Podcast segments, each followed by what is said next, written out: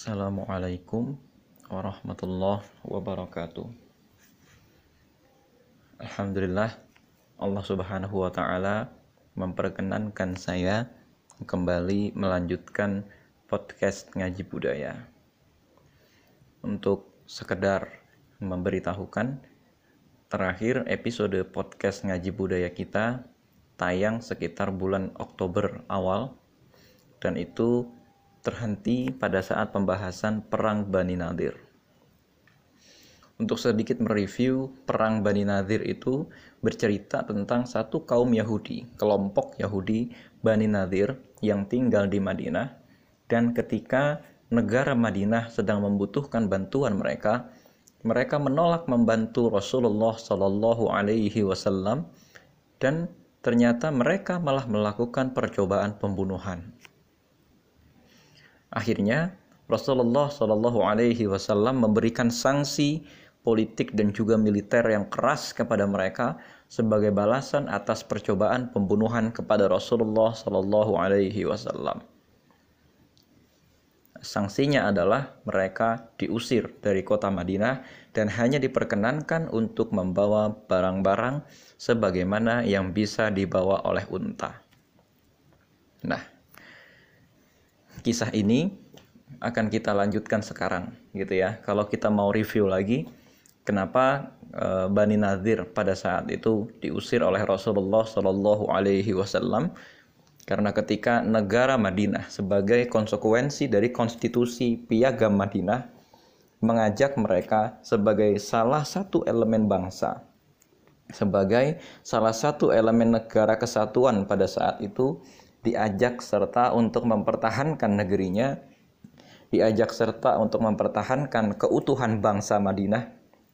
Tetapi kalau kita bilang bangsa Madinah tentu kurang tepat. Karena apa? Karena Rasulullah Shallallahu Alaihi Wasallam tidak sedang membangun bangsa. Karena Yahudi itu sendiri juga sebuah bangsa, sedangkan Rasulullah Shallallahu Alaihi Wasallam juga merupakan bagian dari bangsa lain, yaitu bangsa Arab. Akan tetapi yang dibangun oleh Rasulullah Shallallahu Alaihi Wasallam adalah kesatuan politik, kesatuan cita-cita, dan juga kesatuan peradaban. Nah maka ketika orang-orang Yahudi diminta untuk konsekuen menaati perjanjian politik bahwa ketika kaum muslimin sedang membutuhkan sesuatu yang itu menjadi tanggungan negara Madinah, maka semua elemen bangsa berkewajiban juga menyumbangkan tenaga atau menyumbangkan bantuan. Apa yang diminta pada saat itu? Ada satu kelompok kaum muslimin sebagai kelanjutan dari tragedi Bi'ru Ma'unah. Jadi ternyata sekelompok kaum muslimin ini menyaksikan pembantaian sekitar 72 orang dai yang dikirim oleh Rasulullah Shallallahu alaihi wasallam ke sebuah daerah namanya Bi'ru Ma'unah. Karena mereka marah, ya orang yang tersisa dari 72 orang ini pun di jalan pulang membunuh seseorang yang mereka temui yang mereka duga yang mereka sangka adalah bagian dari para pembantai dai Rasulullah Shallallahu Alaihi Wasallam. Memang secara kaum atau dalam tanda kutip secara kelompok dia memang bagian dari kaum yang membantai itu. Akan tetapi dia ada di cabang kelompok yang justru berdamai dengan Rasulullah Shallallahu Alaihi Wasallam. Jadi ini ibaratnya seperti kita punya kebencian dengan satu bangsa, ya. Tapi ternyata kita lihat tidak semua negara yang ada di bangsa itu menjadi musuh kita. Ternyata ada bagian dari bangsa atau bagian dari negara yang merupakan masih representasi dari bangsa itu yang berdamai dengan kita. Ya, sebagai contoh misalnya, kita memang tidak punya hubungan diplomatis dengan orang-orang Yahudi, dengan negara Israel, akan tetapi orang Yahudi ada di negara kita. Nah, kalau ternyata kita tarik ke sini pembahasannya, berarti kita tidak boleh berlaku apa pun yang zolim kepada orang Yahudi di negara kita. Karena Rasulullah Shallallahu Alaihi Wasallam membayar denda atas kejadian pembunuhan orang-orang yang membunuh pembantai-pembantai atau membunuh uh, para dai Rasulullah Shallallahu Alaihi Wasallam itu kejadiannya seperti itu. Maka yang terjadi adalah kemudian Rasulullah Shallallahu Alaihi Wasallam mengambil dana dendanya itu dari dana negara karena ini menyangkut pembebasan atau menyangkut kewajiban dari salah seorang warga negara Madinah kepada negeri lain. Artinya dananya diambil dari dana negara. Dana negara diambil dari mana? Retribusi nah, dalam tanda kutip nih ya. Kalau bahasa anggaran modern ini diambil dari retribusi atau diambil dari uh, pemerataan kewajiban kepada seluruh anggota atau seluruh elemen bangsa. Termasuk kaum muslimin sudah menyumbangkan dananya meskipun cukup sebetulnya akan tetapi Rasulullah Shallallahu alaihi wasallam ingin menjadikan urusan ini adalah urusan kota Madinah, bukan semata-mata urusan kaum muslimin. Ini menunjukkan keadilan politik. Ini menunjukkan Rasulullah itu ingin menunjukkan bahwa kota Madinah itu solid dan kompak.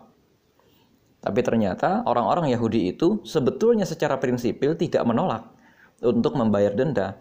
Akan tetapi mereka ketika Rasulullah Shallallahu Alaihi Wasallam itu datang ke benteng mereka, benteng Bani Nadir, karena pada saat itu di kota Madinah memang ada klaster-klaster. Kalau dalam bahasa kita sekarang ada kota kecil dalam kota besar. Nah, orang-orang Yahudi ini tinggal dalam klasternya sendiri. Ini klaster Bani Nadir. Ketika klaster Bani Nadir ini didatangi oleh Rasulullah Shallallahu Alaihi Wasallam, maka Bani Nadir melakukan percobaan pembunuhan dengan cara sudah bersiap-siap melemparkan batu besar di atas tempat Rasulullah Shallallahu Alaihi Wasallam duduk. Tapi pembahasan hari ini bukan di situ. Saya hanya hendak sedikit memberikan review gitu ya, sedikit memberikan gambaran sebetulnya kemarin pembahasan kita sampai di mana. Sekarang rekan-rekan sekalian kita memasuki apa yang terjadi setelah Bani Nadir akhirnya diusir oleh Rasulullah Shallallahu Alaihi Wasallam. Setelah Bani Nadir diusir oleh Rasulullah Shallallahu Alaihi Wasallam, maka turunlah sebuah surat yang lengkap, gitu ya. Turunlah sebuah surat yang lengkap, yaitu surat Al-Hasyr. A'udzu billahi minasyaitonir rajim. Bismillahirrahmanirrahim.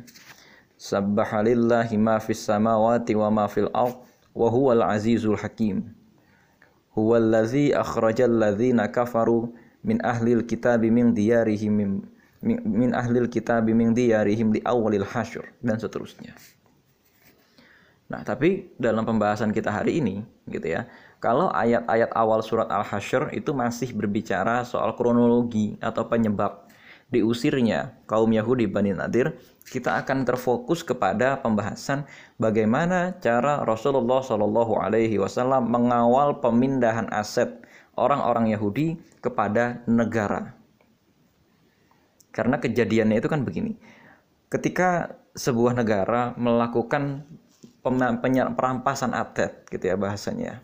Ketika sebuah negara itu melakukan pemutihan aset sehingga aset ini dinyatakan sebagai milik negara, dirampas atau disita asetnya sebagai aset milik negara dan pemilik sebelumnya sudah dinyatakan tidak lagi punya hak apa pun terhadap aset yang dirampas tersebut.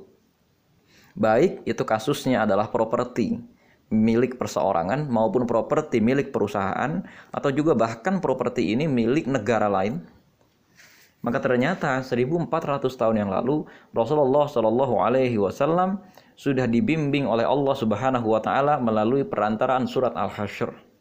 Bagaimana prinsip pengelolaan aset yang didapatkan dari perampasan aset atas nama negara.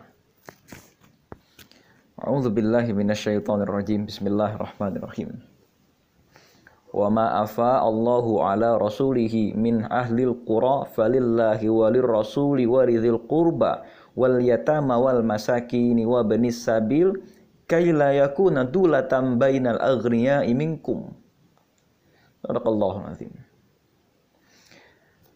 Sesungguhnya harta, ini kalau inti dari ayat ini, harta yang didapatkan dari ahlil qura. Fa'i yang didapatkan dari ahlil qura apa sih fa'i itu? Fa'i itu adalah harta yang dari peperangan akan tetapi tidak didapatkan melalui jalan peperangan. Jadi ada ghanimah, ada fa'i, ada salab. Ghanimah itu kalau kita sedang berperang, lalu harta yang ada pada pasukan perang itu kita rampas, kita ambil. Sementara salab itu adalah misalnya kita membunuh seseorang di medan perang, lalu harta yang melekat di tubuh orang itu menjadi hak orang yang membunuhnya. Misalnya orang itu punya senjata, orang itu punya baju besi, atau orang itu membawa kuda dan kudanya masih hidup, maka kuda itu menjadi milik orang yang membunuhnya. Ya, itu salab. Nah, fa'i adalah harta rampasan perang yang bukan didapatkan secara langsung akibat dari peperangan yang terjadi di medan perang itu. Konteksnya seperti itu. Itu fa'i. Nah, ma'afa Allahu ala rasulihi min ahlil qura. Ya. Ah, rampasan perang yang didapatkan oleh Rasulullah Shallallahu alaihi wasallam dari ahlil qura. Falillahi walir rasul. Maka itu kemudian harus dikelola oleh Allah Subhanahu wa taala dan juga oleh Rasulullah Shallallahu Alaihi Wasallam. Kalau pada saat itu ini melambangkan harta itu harus dikelola oleh entitas tertinggi yang ada pada saat itu. Artinya kalau kalau pada saat itu entitas atau otoritas tertingginya adalah Rasulullah Shallallahu Alaihi Wasallam, maka kalau di zaman sekarang entitas tertingginya adalah negara, sebagaimana yang dijelaskan melalui asar para salafus soleh ketika Abu Bakar Siddiq, Umar bin Khattab, Utsman bin Affan terutama melakukan pembebasan berbagai negeri. Contoh yang paling terkenal ketika Umar bin Khattab radhiyallahu an melakukan pembebasan negeri Persia dan juga melakukan pembebasan Palestina. Maka aset-aset penduduk yang ada di sana itu langsung menjadi milik negara. Tidak menjadi milik pasukan yang menaklukkan kota tersebut. Maka kemudian Rasulullah Shallallahu Alaihi Wasallam pada kita kembali kepada kisah perang Bani Nadir ini, Rasulullah Shallallahu Alaihi Wasallam memegang kekuasaan tertinggi untuk mengatur ke mana harta ini akan didistribusikan. Kemudian ternyata di sini ada kategori-kategori utama orang yang berhak untuk menerima harta fa'i tadi, yang fa'inya ini konteksnya itu berupa tanah tadi, atau juga harta. Ya walillahi walir rasuli walidhil qurba wal yatama wal masakin wa benis sabil. Nah, jadi kalau kita jelaskan lagi di sini gitu ya, walidhil qurba. Walidhil qurba di sini menurut penafsiran Ibnu Hisham misalnya dalam kitab Sirah Ibnu Hisham ditafsirkan sebagai kerabat Rasulullah Shallallahu alaihi wasallam. Karena memang pada saat itu mayoritas kerabat Rasulullah Shallallahu alaihi wasallam atau ahlul bait pada saat itu ada dalam keadaan miskin dan mereka adalah orang-orang yang pertama kali melindungi Rasulullah Shallallahu Alaihi Wasallam di jalan dakwah sehingga hak kultural mereka itu dilindungi. Ini adalah kekhususan syariat kepada Rasulullah Shallallahu Alaihi Wasallam. Yang kedua, zil kurba wal yatama, yatim itu artinya kepada anak-anak yatim. Maksudnya bagaimana? Jadi ternyata harta fa'i yang didapatkan melalui pengambil alihan aset secara paksa oleh negara di medan perang ternyata harus didistribusikan kepada anak-anak yatim yang ada pada saat itu di kota Madinah. Datanya dari mana? Datanya banyak anak-anak yatim di kota Madinah karena misal gitu ya rekan-rekan sekalian, ini kan peristiwanya masih bersambungan dengan peristiwa perang Uhud di mana di peristiwa perang Uhud 70 orang syuhada syahid pada saat itu. Lalu peristiwa Bi'ru Ma'unah, di peristiwa Bi'ru Ma'unah sekitar 72 orang syuhada syahid pada saat itu dan juga tragedi Ar-Raji yang pada saat tragedi Ar-Raji kira-kira ada sekitar 10 orang syahid di sana. Maka orang muslim pada saat itu kehilangan 150 orang laki-laki. Artinya potensi kehilangannya adalah sekitar 150 kepala keluarga dan kalau satu kepala keluarga memiliki satu saja anak, maka ini potensinya ada 150 anak yatim. Pembiayaannya dari mana? Gak mungkin hanya mengandalkan urunan misalnya kan yayasan-yayasan dalam tanda kutip kalau di zaman sekarang mengandalkan kemurah hatian orang kaya sementara pada saat itu negara juga dalam keadaan fase pembangunan Namanya fase pembangunan itu memang tidak bisa dipaksa dana negara itu mengalir kepada sektor-sektor bantuan sosial. Karena apa? Misal teman-teman sekalian, dalam pengelolaan anggaran pembelanjaan daerah, rata-rata anggaran pembelanjaan daerah itu terbagi menjadi tiga. Satu, itu belanja tidak langsung. Nah, belanja tidak langsung itu gaji pegawai dan operasional kantor. Yang kedua, belanja langsung. Nah, belanja langsung itu terbagi dua. Makanya saya bilang tadi terbagi tiga. Terbagi dua ini apa? Satu, pembangunan infrastruktur, sekolah, rumah sakit, jalan, dan lain sebagainya. Yang ketiga, bantuan sosial. Yang sifatnya subsidi misalnya. Yang sifatnya bantuan langsung, ya, sifatnya hibah, dan lain sebagainya. Nah, kemudian negara pada saat itu barang tentu ketika sebuah negara ada dalam kondisi yang betul-betul sulit, maka negara itu biasanya akan terfokus pada yang penting sekarang personalia atau yang penting sekarang operasional kantor itu tetap jalan. Nah, barangkali pada saat itu biaya operasional kantor itu saja sudah pas-pasan. Maka untuk membiayai anak yatim ya sebagai salah satu e, ibroh ya atau salah satu di antara hikmah pensyariatan itu diambil dari harta fa'i yang didapatkan dari kaum Yahudi Bani Nadir. Karena jelas pada saat itu orang-orang Yahudi Bani Nadir meninggalkan rumah yang sangat banyak. Sebagian dari properti itu bisa dijual. Dan hasil penjualannya dimasukkan lagi ke dalam aset negara, dimasukkan lagi ke dalam penerimaan asli daerah, yang penerimaan asli daerahnya itu akan bisa digunakan untuk bantuan sosial berupa uang. Atau juga barangkali misalnya rumah-rumah itu nanti akan bisa digunakan sebagai gudang dan lain sebagainya. Nah, yang kedua, selain yatim wal masakini wa benis sabil. Nah, siapa eh, orang-orang uh, miskin ini? Orang-orang miskin ini rekan-rekan sekalian adalah orang-orang yang memang pada saat itu terutama kaum muhajirin yang baru saja berhijrah dan mereka memadati sufah yang ada di Masjid Nabawi.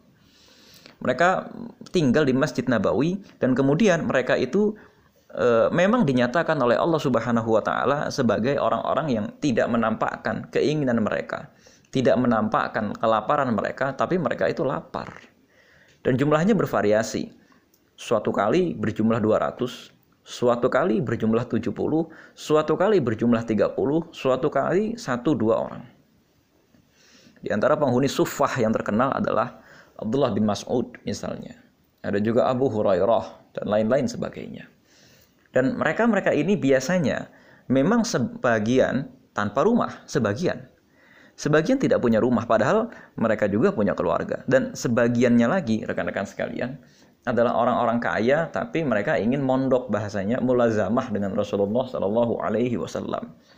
Nah, yang jadi masalah ini adalah orang-orang yang baik bujang ya maupun sudah menikah tapi tidak punya rumah sehingga mereka harus tinggal di masjid. Loh, mengapa kok mereka ini sampai bisa tinggal di masjid? Iya, karena ini kan baru tahun keempat. Ini tuh baru tahun keempat setelah Rasulullah Shallallahu Alaihi Wasallam itu hijrah. Dan hijrah itu rekan-rekan sekalian, jangan dibayangkan hijrah itu terjadi di satu momen hijrah bersama-sama, enggak. Hijrah itu terjadi berangsur-angsur selama kurang lebih sekitar uh, eh, 8 tahun ya kira-kira sampai sekitar 8 tahun dan hijrah terakhir para sahabat Rasulullah Shallallahu Alaihi Wasallam itu adalah hijrahnya Abbas bin Abdul Muthalib yang terjadi beberapa saat sebelum kejadian Fatu Mekah. Sedangkan Fatu Mekah itu terjadi pada tahun ke-8. Nah, artinya selama kurun waktu 8 tahun itu ya kurang lebih beberapa bulan sebelum Rasulullah berangkat dan hingga beberapa tahun setelah Rasulullah tiba maka sudah pasti ada ratusan sahabat Nabi yang menempati sufah. Mereka berhijrah sambil menunggu dapat rumah di mana. Yang penting pindah dulu, tapi mereka merasakan keamanan, barulah mereka diberikan properti atau mereka berusaha dan bisa membeli rumah. Kalau yang kaya seperti Uthman bin Affan misalnya, nggak lama langsung punya rumah dia. Abdurrahman bin Auf juga nggak lama langsung punya rumah dia. Tapi bagaimana dengan sahabat-sahabat Nabi yang memang tidak punya bakat berdagang misalnya, dan ibaratnya tertakar lah itu ya tertakar lah gajinya berapa lah itu bahasanya nggak mungkin kemudian dia itu bisa punya rumah dengan usaha sendiri pasti dia itu memerlukan bantuan negara untuk mendistribusikan uh, adanya rumah-rumah murah atau bahkan bukan cuma rumah dalam tanda kutip DP 0 akan tetapi rumah yang betul-betul bisa langsung ditempati sebagai bentuk dari kerahiman negara kepada mereka. Nah, pengalihan aset negara dari kaum Yahudi Bani Nadir itu digunakan untuk ahlus sufah menempati rumah-rumah tersebut. Dan kita tidak mendapatkan data apakah kemudian ada rumah-rumah yang lain yang tidak ditempati oleh ahlus sufah, apakah dijual misalnya. Apakah misalnya rumah-rumah ini langsung dialihkan sehingga yang penting sekarang satu keluarga satu rumah misalnya. Kita tidak mendapatkan data seperti itu. Atau saya juga tidak mendapatkan data siapa-siapa sahabat Nabi yang akhirnya tinggal di eh, semacam klaster tadi ya, semacam klaster Bani Nadir. Akan tetapi sekilas bisa kita terka, ya sekilas bisa kita lacak bahwa ketika Rasulullah Shallallahu Alaihi Wasallam memerintahkan bahwa ini rumah-rumah yang ada di lingkungan Bani Nadir adalah rumah haknya orang-orang miskin. Jelas bahwa di antara tanda kemiskinan adalah dia tidak punya rumah. Dan ini yang kemudian menyebabkan kenapa e, saat itu yang di tahun keempat itu dinyatakan sebagai tahun titik baliknya kota Madinah. Nah, yang selanjutnya ini ya rekan-rekan sekalian, kalau kita melihat kejadian yang ada di masa sekarang. Ada sebagian orang yang misalnya uh, miskin gitu ya dalam tanda kutip pendapatannya pas akan tetapi dia ini ternyata tidak termasuk dalam standar kemiskinan. Kalau kita mau uh, lihat satu contoh kasus misalnya Anies Baswedan sebagai gubernur DKI Jakarta mengeluarkan kebijakan DP 0%. Tapi setelah kita cross check ke berbagai uh, lembaga yang berwenang memberikan data, ternyata ya rekan-rekan sekalian, rumah DP 0% ini tidak bisa diakses oleh banyak orang. Hanya ratusan orang yang bisa mengakses dari target mungkin sekitar puluhan ribu orang.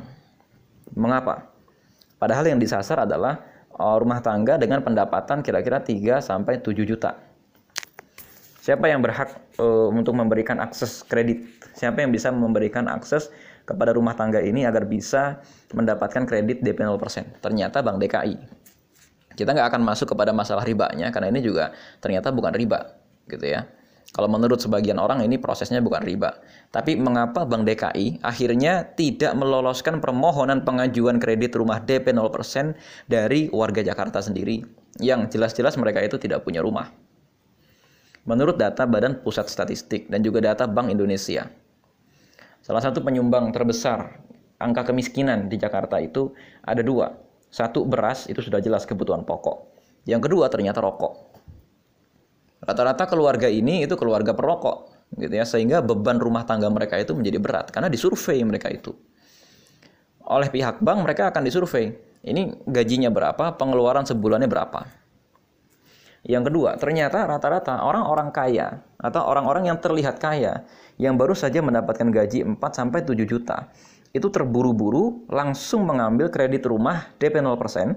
Uh, akan tetapi sebelumnya dia itu sudah mengambil kredit motor atau mobil. Dan itu cicilannya tidak murah. Artinya barangkali dari pendapatan dia mungkin sekitar 5 juta. Kredit motor saja mungkin sudah 1 juta. Sehingga pendapatan dia tinggal 4 juta. Nanti pihak bank menghitung anak dia dua. Dan rumah yang ada sekarang masih sewa. Artinya pengeluaran tetap kalau di Jakarta itu rumah sewa itu sejuta. Ya kan? Rumah rumah sewa itu sejuta. Dan begitu juga dengan pendap, apa namanya pengeluaran pengeluaran yang lain. Dia perlu pulsa makan apa segala macam. Ternyata sisa uangnya itu nanti kalau untuk buat kredit itu ternyata tidak mencukupi.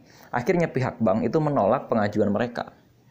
Nah sampai di sini kita bisa mendapatkan satu gambaran bahwa di masa Rasulullah Shallallahu Alaihi Wasallam pada saat itu para sahabat Rasulullah Shallallahu Alaihi Wasallam tidak menciptakan atau tidak mengada-adakan satu pengeluaran yang tidak perlu.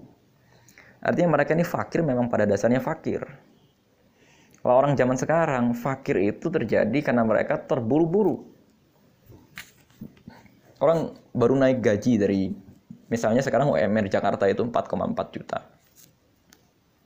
Orang baru naik gaji uh, dari 3 juta sampai dengan ke 5 juta misalnya, dia terburu-buru kredit motor. Padahal dia bisa membeli motor murah dulu, yang terpenting ada suratnya. Nah, rekan-rekan sekalian, itulah sebetulnya yang menyebabkan akhirnya mereka tidak bisa uh, mereka tidak bisa menabung uang mereka atau menyisihkan uang mereka untuk keperluan investasi di masa depan, misalnya membeli rumah dan lain sebagainya. Tapi ini adalah bahasan sampingan dari tafsir surat Al-Hasyr ini. Artinya, bahasan utama kita adalah betapa efisiennya pengelolaan harta di masa Rasulullah Shallallahu Alaihi Wasallam, terutama yang menjadi studi kasus kita adalah e, pasca perang Banu Nadir, di sana didapatkan harta fai. Ya, harta fai itu harta rampasan perang yang tidak didapatkan dari kontak senjata. Jadi Rasulullah Shallallahu Alaihi Wasallam sebagai representasi negara, sebagai pihak yang diberikan wewenang oleh Allah Subhanahu Wa Taala dalam surat Al Hasyr ini untuk membagi-bagikan harta tersebut kepada orang-orang fakir, kepada orang-orang miskin. Wa ma afa Allahu ala rasulihi min ahlil qura walillahi walil rasul walidhil qurba. Jadi kepada Allah, kepada Rasulnya dan kepada kerabat-kerabat Rasulullah Sallallahu alaihi wasallam wal yatama wal masakin. Jadi yang pertama kepada anak yatim seperti yang tadi sudah saya jelaskan bahwa ada ratusan anak yatim baru yang muncul akibat perang atau akibat pengkhianatan yang dilakukan kepada negara Islam. Wal masakin. Lalu setelah orang-orang miskin dibagi-bagikan rumah secara merata. Wa sabil dan kepada orang-orang uh, yang berada dalam perjalanan, orang-orang yang berada uh, sepanjang jalur itu. Nah, kenapa kepada wa sabil? Karena salah satu eh, salah satu cara untuk meningkatkan perekonomian atau salah satu usaha manusia untuk bisa memenuhi kehidupannya adalah dengan berjalan dari satu tempat ke tempat yang lain. Di sana, rekan-rekan sekalian, terkandung kegiatan ekonomi. Nah, awalnya saya juga tidak mengerti mengapa Ibnu Sabil, gitu ya, orang-orang yang sedang ada dalam perjalanan, menjadi salah satu objek dari harta fai ini. Ya, artinya uh, sabil itu menjadi objek dari harta fai dan juga harta zakat. Tapi ternyata setelah adanya virus corona ini, bandara-bandara ditutup, terminal-terminal juga ditutup, jalan-jalan bahkan dirazia. Ya, mobil tidak boleh lebih dari dua orang misalnya pada saat puncak terjadinya pandemi COVID-19. Ternyata perekonomian kota Madinah dan sebagian besar kota-kota yang ada di Hijaz pada saat itu karena tidak suburnya lahan mereka bahkan air saja susah. Yang tumbuh hanya kurma dengan anggur. Maka yang terjadi apa? Mereka hidup dari perdagangan. Mereka hidup dari perlintasan dagang dari utara ke selatan ya dari utara itu daerah Romawi daerah Palestina daerah Syam ke selatan ke daerah Yaman atau dari selatan ke utara dari Yaman ke daerah Palestina. Artinya begini, kafilah-kafilah dagang itu ya yang tadinya uh, mungkin ongkos biaya ya, ongkos ongkos musafir, ongkos kafilahnya itu mahal gara-gara tidak ada penginapan atau mungkin gara-gara tidak ada fasilitas uh, subsidi makanan bagi para musafir atau tidak ada misalnya uh, tempat menambatkan unta yang aman sehingga rentan terjadi perampokan atau misalnya dikembangkan lagi untuk tidak ada pasukan bersenjata yang menjaga jalur dagang tersebut sehingga rentan terjadi perampokan dan lain sebagainya. Setelah adanya harta fa'i ini, harta tersebut yang sedemikian besar itu dialokasikan untuk mengamankan jalan dari gangguan para perampok. Karena kan salah satu alokasinya adalah Ibnu Sabil. Yang kedua, di tempat-tempat musafir itu biasa berhenti. Karena kan sekali datang musafir ini banyak sekali di tempat-tempat musafir ini biasa berhenti. Kalau di zaman sekarang dibangun pom bensin, kalau di masa dulu butuhnya adalah tempat penambatan unta yang ada rumputnya dan ada sumber airnya. Dengan harta fai ini sudah pasti dibuat itu semua. Sehingga perlahan-lahan kota Madinah itu berubah menjadi kota pusat dagang. Berbeda dengan kota Mekah di bawah kepemimpinan Abu Sufyan. Ya, saat itu Abu Sufyan masih musyrik tentu saja di bawah kepemimpinan Abu Sufyan, kota Mekah gagal dikembangkan menjadi kota dagang. Malah dengan arogansinya, Abu Sufyan menghabiskan dana yang besar hanya untuk menginvasi kota Madinah, alih-alih menciptakan ketahanan ekonomi di kota Mekah. Rasulullah Shallallahu Alaihi Wasallam menciptakan ketahanan ekonomi tersebut di kota Madinah. Dan bahkan orang yang menjadi musafir berangkat dari kota Madinah maupun menuju kota Madinah atau cuma sekedar transit di kota Madinah merasakan kenyamanan luar biasa dari fasilitas yang disediakan dari harta fa'i tersebut. Ini luar biasa ya rekan-rekan sekalian. Inilah bentuk bahwa pembangunan yang dilakukan oleh Islam itu sudah pasti paling adil. Meskipun memang kalaupun tidak dari harta FAI misalnya, mungkin ada negara-negara lain yang berpikir pengalokasian APBD dan APBN-nya mereka itu ya akan disalurkan ke e, menuju pengamanan-pengamanan Ibnu Sabil tadi, pengamanan para musafir tadi. Akan tetapi ya rekan-rekan sekalian, e, kemudian e, di sini terkandung satu rahasia. Misalnya begini.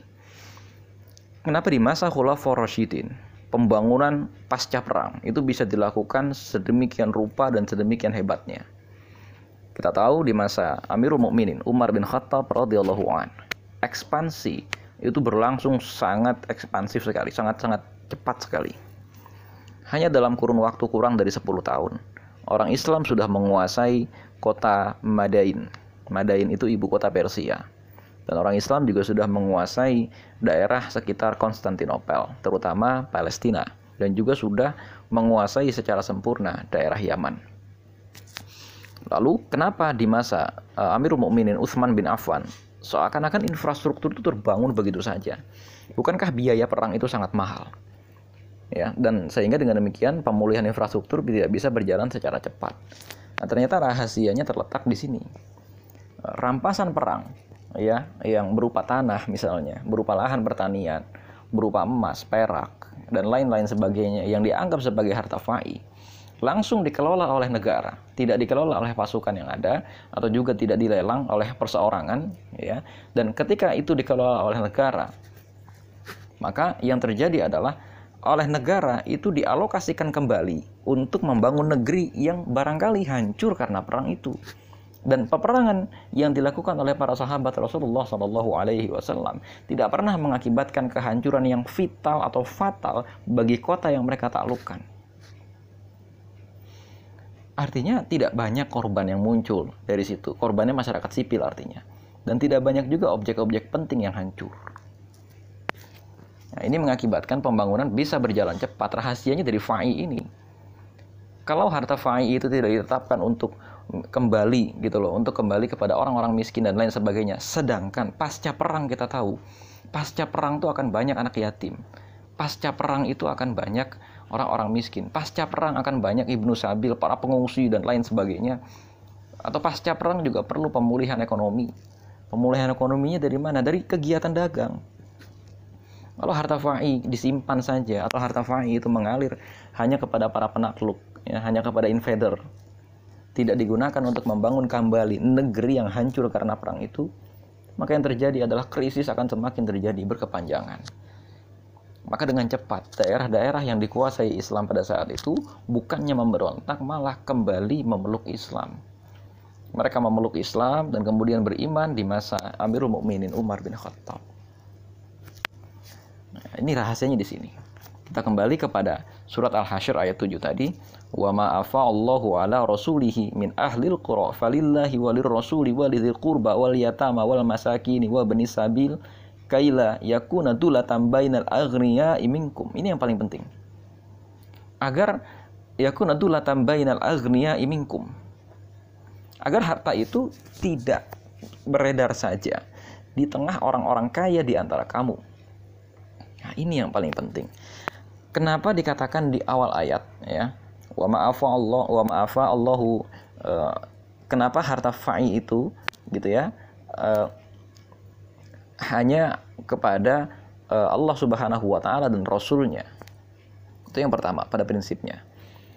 Karena pengelolaan harta fa'i itu harus dijamin oleh negara agar harta fa'i yang jumlahnya sedemikian besar itu tidak menjadi bahan rebutan bagi para spekulan-spekulan atau bagi para pebisnis-pebisnis yang menginginkan ya harta hasil fa'i itu hanya beredar di kalangan orang-orang kaya.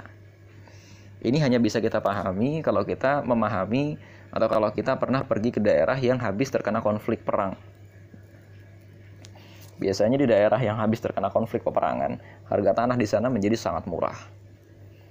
Yang kedua, selain harga tanah menjadi sangat murah, ya, di sana itu sumber daya alam tuh biasanya akan langsung terbuka tanpa penjagaan ya sehingga akan dicaplok oleh pebisnis-pebisnis hitam yang punya uang banyak. Sedangkan kalau di negara Islam nggak bisa. Ya, daerah yang yang menjadi kawasan taklukan di negeri Islam yang tidak ditaklukkan melalui jalur pertempuran bersenjata akan langsung diinventarisir menjadi aset negara Islam dan tidak boleh dimiliki oleh swasta. Kailayaku nadulatan bainal aghniya iminkum nggak boleh dimiliki oleh orang-orang kaya di antara kamu. Maksudnya nggak boleh hanya beredar di antara orang kaya, tapi boleh nggak dikasih ke orang kaya? Boleh, tapi jangan secara kapital, secara mayoritas dikuasai hanya oleh orang-orang kaya. Nah di sini eh, yang aspek yang paling penting dari pembangunan negara dan distribusi harta dalam Islam terutama yang menyangkut harta fai. Maka kemudian rekan-rekan sekalian, pasca penaklukan Bani Nadir ini, bangkitlah ekonomi kota Madinah. Ya, angka kemiskinan bisa ditekan karena harta terdistribusi secara merata. Artinya negara tidak menciptakan kebijakan yang kebijakan itu menyebabkan harta hanya mengalir di lingkungan orang-orang kaya. Atau negara juga tidak menciptakan kebijakan yang membuat orang-orang kaya dengan modal besar lebih mudah mengakses sesuatu daripada orang-orang miskin yang sesuatu itu di dalam kepemilikan negara. Ya, ibaratnya kan kalau sekarang negara bisa membuat BUMN, ya BUMN atas harta temuan seperti tambang dan lain sebagainya yang ada di tengah-tengah negeri kita. Akan tetapi ketika peraturannya diubah, publik juga boleh memiliki. Maka artinya nanti publik atau siapa pun itu yang kaya bisa memiliki daerah tambang tersebut. Padahal seharusnya daerah tambang itu sepenuhnya dikuasai oleh negara sehingga semakin banyak ditemukan tambang di negara Indonesia, semakin harusnya negeri kita itu semakin kaya. Nah, rekan-rekan sekalian, pada pembahasan kali ini, terutama berkaitan dengan tafsir atau tadabbur surat Al-Hasyr ayat 7 ini yang berkaitan dengan pengelolaan dana negara yang didapatkan dari hasil pertempuran tanpa kontak senjata atau dari hasil menyerahnya sebuah negara atau hasil menyerahnya sebuah entitas politik kepada negara, pengelolaannya ternyata tidak sembarangan. Ya. E, agar ya rekan-rekan sekalian agar malah tercipta kemakmuran yang merata ketika dana itu dikuasai oleh negara.